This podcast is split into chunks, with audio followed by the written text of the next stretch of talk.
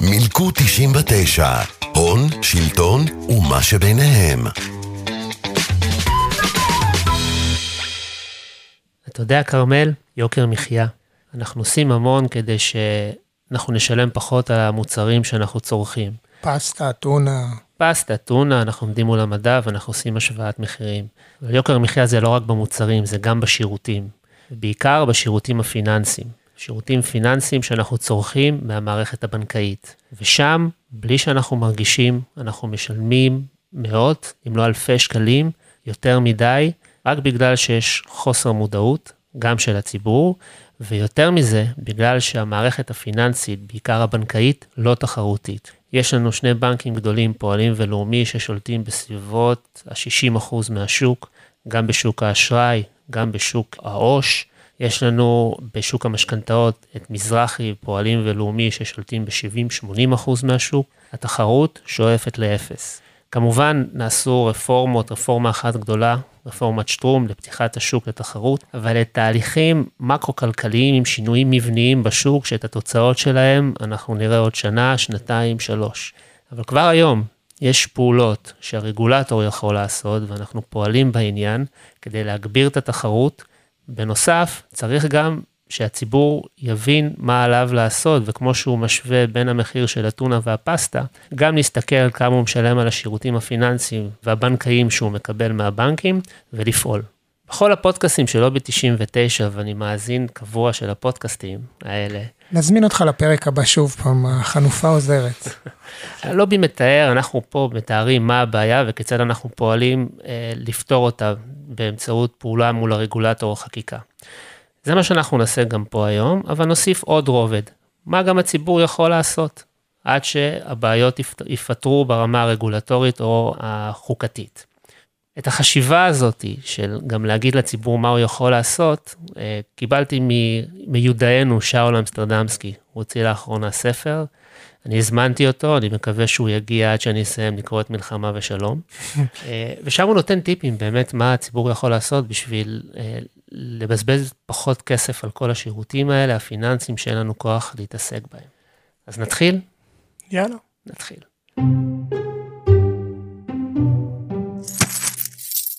מה עושים עם כרטיס האשראי?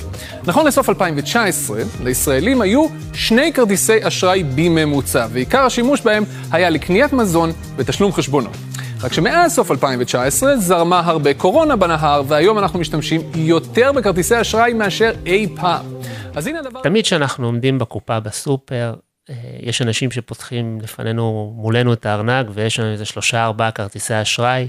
אני אישית אף פעם לא הבנתי איך הדבר הזה קורה ולמה לאנשים יש כל כך הרבה כרטיסי אשראי. אשראי זה טוב, אנשים אוהבים שיש להם אשראי, אבל מאחורה יש מכונה משומנת של שיווק. רגע, אם אני פותח את הארנק עכשיו שנמצא פה בתיק, באמת יש לי איזה ארבעה חמישה כרטיסי אשראי. אתה יודע, אחד של המילואים, ואחד של אה, חיילים משוחררים, ואחד של בוגרי האוניברסיטה, ואחד של הבנק הזה, ועכשיו עוד אחד של בנק אחר, וזה לא נגמר.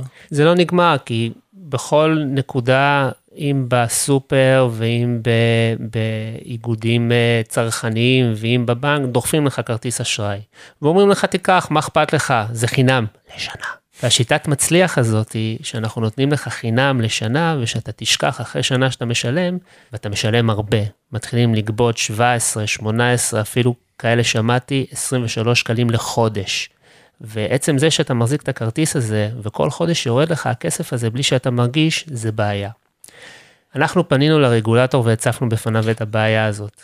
זאת אומרת, אם לפני שנה אני ניהלתי שיחות עם חברות האשראי שלי ועם הבנקים שלי, והם הבטיחו לי, לא, זה בלי עמלות, הנה עכשיו אני מסדר לך, זה בלי עמלות, אתה רוצה להגיד לי שכדאי לי לעשות שוב פעם את אותה שיחה מחדש כי עברה שנה? בדיוק. כי אחרי שנה הם מתחילים לגבות את הכסף. אוקיי. זה מה שאתה יכול לעשות, ואנחנו ממליצים לכולם, תפתחו את הארנקים, תראו כמה כרטיסי אשראי יש לכם, תראו אם בכלל אתם צריכים את כל האשראי הזה, תרימו טלפון לבנק או למי ששיווק לכם ותגידו, אני רוצה שתורידו לי את העמלה לאפס, ואם לא, לאיים בביטול. מה אנחנו עושים בנידון?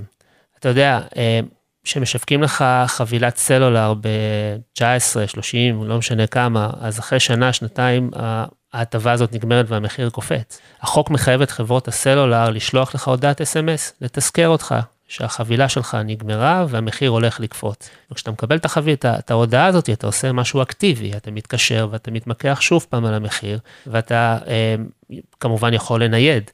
אנחנו דרשנו מהמפקח על הבנקים את אותו, את אותו אה, עיקרון. זאת אומרת שהבנקים וחברות כרטיסי אשראי יידעו את הלקוחות חודשיים, שלושה חודשים לפני, שההטבה עומדת להסתיים. ומהי עמדתו של בנק ישראל?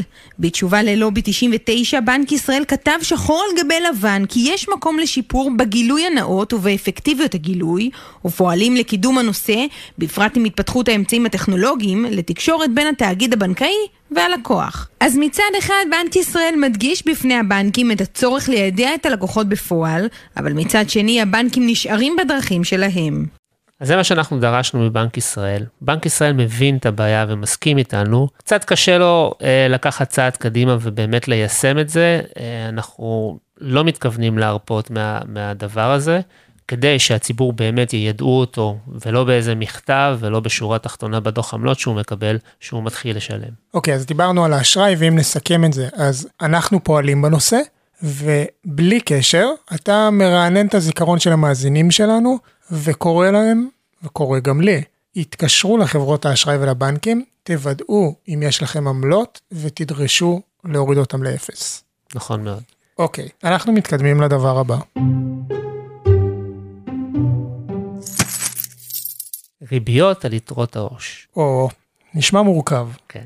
אבל זה נושא פשוט. ריביות ביתרות העו"ש. עו"ש זה עובר ושב. מה שיש לנו בחשבון. כלומר, הכסף שיושב. נכון. אנחנו מקבלים משכורת, הכסף יושב לנו בחשבון. על הכסף הזה אנחנו מקבלים ריבית אפס. והבנק, הכסף הזה, הבנק משתמש בו. הוא מלווה אותו לאנשים אחרים. אם זה לחברות, אם זה גופים עסקיים, זה לא משנה, זה המודל העסקי שלו. בכסף הזה הוא עושה שימוש, הוא מלווה לאנשים אחרים, ועל זה הוא מקבל ריביות די גבוהות, 5%, 6%, על מינוס שמישהו אחר לקח, זה אפילו מגיע למספר דו-ספרתי. הציבור מקבל 0. עכשיו, אם אנחנו מסתכלים מי מקבל 0, ואם כולם מקבלים 0, אנחנו אומרים ניחא. אבל יש גופים אה, עסקיים וגופים מוסדיים, בכלל מנהלי השקעות, כל מישהו קצת יותר מבין ויש לו קצת יותר כוח מול הבנק, לא מקבל אפס, הוא מקבל ריבית על, הס, על היתרות שיושבות לו בעובר ושב. כלומר, אם אני מכניס משכורת חודשית והכסף יושב שם, ואני לא מכניס אותו לתוכנית חיסכון או להשקעה כלשהי, הוא בעצם יושב ואני לא נהנה משום ריבית. אם במקרה אני נופל למטה ונכנס למינוס, אני מן הסתם מתחיל לשלם לבנק על זה שאני במינוס, אבל אין לי שום פלוס מהדבר הזה. בדיוק. אני לא אקבל את זה, ואתה אומר לי שיכול להיות שחדר ליד יש איזה מישהו עם הרבה מאוד כוח, והוא כן מקבל. בדיוק. עכשיו, אנחנו פנינו למפקח על הבנקים, ודרשנו ממנו דבר פשוט, לבקש מהבנקים שיקבעו נוהל למי הם משלמים ריבית על הזכות, למי הם לא משלמים ריבית על הזכות, ולמה הם לא משלמים ריבית על הזכות, כי בסופו של דבר כולנו חייבים להחזיק כסף בעו"ש. אין לנו אפשרות אחרת לקחת את המשכורת שלנו ולהחזיר, ולהחזיק אותה מתחת לבלטות. יש חוק על הגבלת מזומן. זה אומר שלהחזיק כסף בעו"ש זה מצרך ש... זה כמו אוויר, זה חלק מההתנהלות הפיננסית שלך, אין לך אלטרנטיבה אחרת. גם אם אני נגיד כן משקיע או מכניס לתוכניות חיסכון, בסוף אני חייב את זה, אם דיברנו קודם על כרטיסי אשראי, בסוף החודש מגיע חיוב, ולפעמים הוראות קבע, כל הדברים האלה לא מסתנכרנים על אותו מועד בדיוק, אז חייב להיות משהו בקופה, אחרת באמת נרד למינוס. נכון, בדיוק. תוכניות uh, חיסכון וניירות ערך, זה הכל כסף שאתה סוגר לטווח ארוך, ואתה צריך רמה מסוימת של מזומנים כדי להתנהל בשוטף. ועל הרמה המסוימת הזאת של המזומנים, כדאי ורצוי שהבנק ישלם לך ריבית מסוימת, כי הכסף הזה לא שוכב שם סתם. הבנק משתמש בו, הבנק מלווה, ועל אותו כסף הוא מקבל ריבית גבוהה. אני אגיד לך יותר מזה, חלק מהכסף הזה הוא מפקיד בבנק ישראל, שזה אפס סיכון והוא מקבל ריבית. זה אומר שהבנק לוקח את הכסף שלך, משלם לך ריבית אפס, שם בחשבון של בנק ישראל ומקבל את ריבית בנק ישראל, שהיום היא כבר קרובה לשלושה אחוז. בסדר? זה, זה רווח, קוראים לזה בעולם הפיננסי ארביטראז', רווח בלי סיכון. וכשאתה אומר פנינו למפקח על הבנקים, כדי שיבקש מהם. הוא אמור לפקח עליהם, הוא הרגולטור שבעצם אמור לקבוע להם את כללי המסגרת, למה הוא לא יכול בעצם לנסח איזשהו נוהל שמחייב אותם לעשות את הדבר, בטח אם הם מרוויחים ריבית של 3% מבנק ישראל.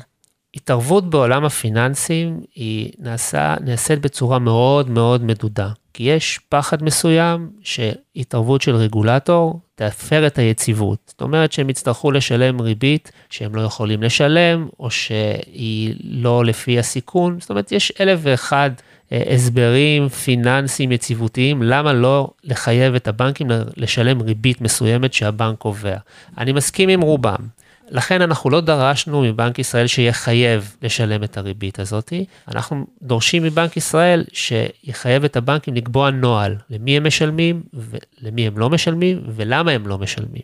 כי ברגע שהם יצטרכו להסביר לעצמם למה הם לא משלמים, הם יגלו שאין הסבר והם יצטרכו בסופו של דבר לשלם את הדבר הזה. אז זה מה אנחנו ביקשנו בלובי 99 ומה הרגולטור יכול לעשות. מה האזרח הקטן יכול לעשות מול הבנק? לאזרח קטן יש שתי אלטרנטיבות. אחת, להגיע לסניף של הבנק, לדרוש שישלמו לו את הריבית על יתרות העו"ש, ואם הוא לא משלם את הריבית, פשוט להעביר את הכסף לחשבון אחר בבנק אחר שכן משלם. אנחנו נמנעים מלעשות פרסומות, אבל יש בנקים שכן משלמים, בסדר? בנק אחד. זאת אומרת אחד. שיש תחרות? יש תחרות, כמובן שזה קצת יותר מסובך לפתוח חשבון, אבל עצם האיום יכול ליצור איזה אפקט. אם כולם יגישו, אם יותר ויותר אנשים יגיעו וידרשו את הדבר הזה, והבנקים יראו שהציבור לא אדיש, והוא מבקש ומתמקח, אז יש סבירות שהבנקים יתחילו לשלם.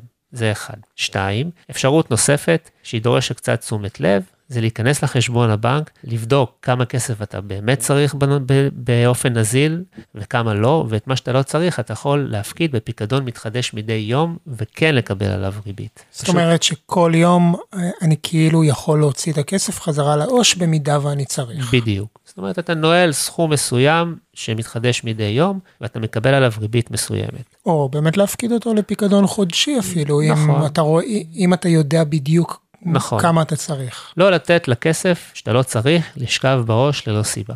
אז זה הנושא השני, וגם פה יש דברים שהלובי עושה, אבל גם אנחנו אה, כאנשים פרטיים יכולים לפעול כדי לשפר את התנאים שלנו עד שהרגולטור יעשה את זה. מה הנושא הבא? עמלות ניירות ערך. לרבים מאיתנו יש חסכונות שאותם אנחנו משקיעים באופן פרטי באמצעות חשבון העו"ש שלנו. אנחנו קונים מניות, קונים אג"חים, קונים קרנות נאמנות, ועל דבר הזה אנחנו משלמים הרבה מאוד כסף לבנקים. והסיבה שאנחנו משלמים הרבה מאוד כסף לבנקים, כי יש אפס תחרות. אפס תחרות בין הבנקים אפס תחרות בין הבנקים לחברות האחרות, בתי ההשקעות, שמספקים את אותם שירותים, והאפס תחרות הזאת נובעת, אחד, מחסמי מעבר מאוד גדולים, זה אומר שאם אני רוצה לנהל את התיק ניירות ערך שלי לא בבנק, אז יש לי המון בעיות, גם בעיות של העברת כספים ממקום למקום, גם בעיה של אינפורמציה.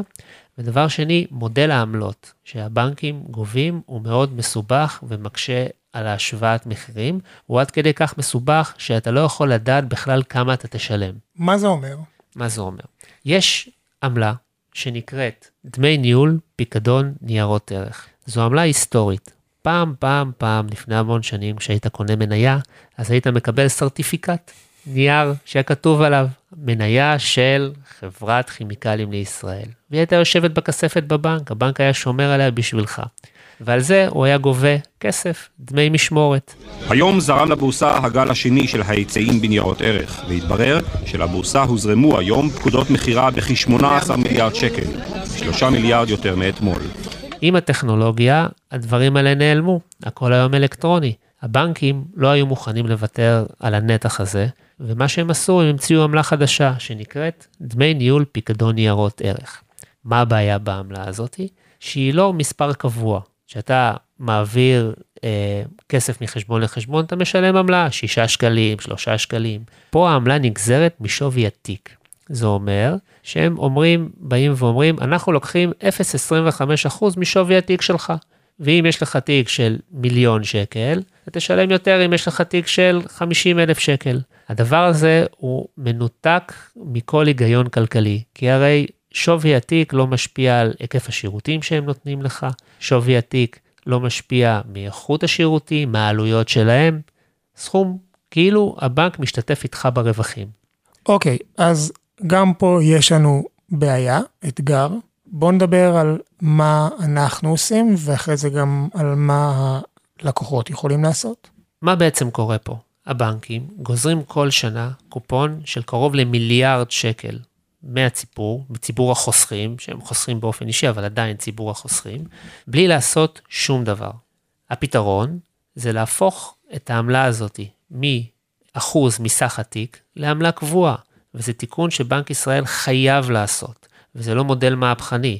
החברות, המתחרות של הבנקים, בתי השקעות, זה מה שהן עושות. הן לוקחות 15 שקלים עמלה לחודש. ותחשוב שאם יש לך תיק של מיליון, אז זה יוצא לך במקום 250 שקלים בחודש, אתה משלם 15 שקל לחודש. אז כשאתה, כשאמרת קודם שאין תחרות, על פניו זה נראה שהם כן מנסים לייצר תחרות. למה היא באמת לא גדלה ו... יש כמה סיבות, חוץ מאלה שפירטתי, שקשה לך באמת להשוות את העלויות, גם מעמלות קנייה ומכירה. בוא נניח, בוא נניח שאני מנהל תיק אה, של ניירות ערך, ועל סמך התיק הזה, שזה נכס, אני אמור לקבל הלוואה. על סמך התיק הזה, עם הרווחים, אני עושה קניות, בסדר? עכשיו, אם אני שם את זה בחשבון אחר של פועלים IBI, מיטב דה, סליחה שאני עושה פרסומת, כן? הבנק לא רואה את התיק הזה, והוא יגיד לי, אין לך נכסים, אז אני לא נותן לך הלוואה. או כל חודש אני אצטרך להתקשר, להעביר כסף מהתיק שלי במיטב דש, או לצורך העניין, אה, לא יודע, IBI, לחשבון או שלי, ששם יורדים לי החשבונות. בוא נניח והיו עושים איזה שינוי קטן, ממש קטן בתקנון הבורסה, והיו מאפשרים לחברות האלה, לבתי ההשקעות, להנפיק לי כרטיס אשראי, או לחייב את החשבון חשמל שלי ומים שלי מהחשבון ההוא. אז היה לי הרבה יותר קל לקחת את הנכסים הפיננסיים שלי ולשים שם. אבל מה שאתה בעצם אומר, הלכה למעשה זה, זה הופך את בתי ההשקעות לבנק. לא, זה הופך את בתי ההשקעות למספקי שירותים פיננסיים. בנק נותן הלוואות, הם לא נותנים הלוואות. הם על בסיס המזומן שלך נותנים לך שירותים פיננסיים, ואם הם יוכלו לספק לך יותר ויותר שירותים פיננסיים, אז הציבור יוכל באמת להעביר חלק מהתיק שלו, אפילו את כל התיק שלו, לבתי ההשקעות האלה, לקבל שירותים פיננסיים שנכון להיום הוא, לא, הוא לא יכול לקבל שם ורק בבנק. אז נותרה איזשהו סוג של מערכת סגורה. הבנקים שולטים ב-97% מהמסחר בניירות ערך של הציבור, כי הציבור פשוט אין לו אלטרנטיבה. כי גם יכול להיות מאוד שכשאתה בא לדבר איתם על לקיחת הלוואה או על תוכנית חיסכון, הם פשוט אומרים לך, אה, יש לנו גם יועץ השקעות, עוד שירות, בוא נכון. תעבור לדלפק נוסף, תשב בחדר סגור. בדיוק. נקנה ביחד אה, מניות, ניירות ב... ערך. בדיוק. ת, תגיד, יש איזה אה, בעולם, מה שדיברת על ה... המוביליות הזאת והגברת התחרות אה, לצורך העניין של בתי השקעות שיציגו שירותים פיננסיים. יש דברים כאלה או שאנחנו מדברים פה על משהו מהפכני שעוד לא נעשה? בעולם יש אה, בתי השקעות ופלטפורמות דיגיטליות שמספקות את השירותים האלה באפס עלות. שוב, אנחנו לא נזכיר אותם, אבל בחו"ל התחרות היא, היא הכי גדולה שיכולה להיות, אתה יכול להעביר את הכסף שלך ממקום למקום בלי בעיה, ולסחור באפס עמלות ולקבל שירותים נוספים. בעולם זה עולם אחר. אוקיי, okay. אז נשמע שמוקד הבעיה פה באמת זה תחרות, ואולי אם ניקח את זה צעד אחורה, היעדר תחרות, אני, אני אגיד, ושוק אני, שהוא מאוד קטן. אני אגיד משהו יותר, אה, אה, יותר חד משמעי. הבעיה פה זה שבנק ישראל לא משנה את מודל העמלות. אם הוא ישנה את מודל העמלות וישנה את זה מאחוז מהתיק לעמלה קבועה, זה יביא לחיסכון של 300-400 מיליון שקל לציבור כל שנה. כל מה שצריך לעשות זה פעולה מאוד פשוטה, לפי מיטב ידיעתי זה אפילו גם לא צריך לעבור בכנסת, פשוט לעשות את השינוי הזה ולחסוך לציבור 300-400 מיליון שקל כל שנה. אוקיי. Okay.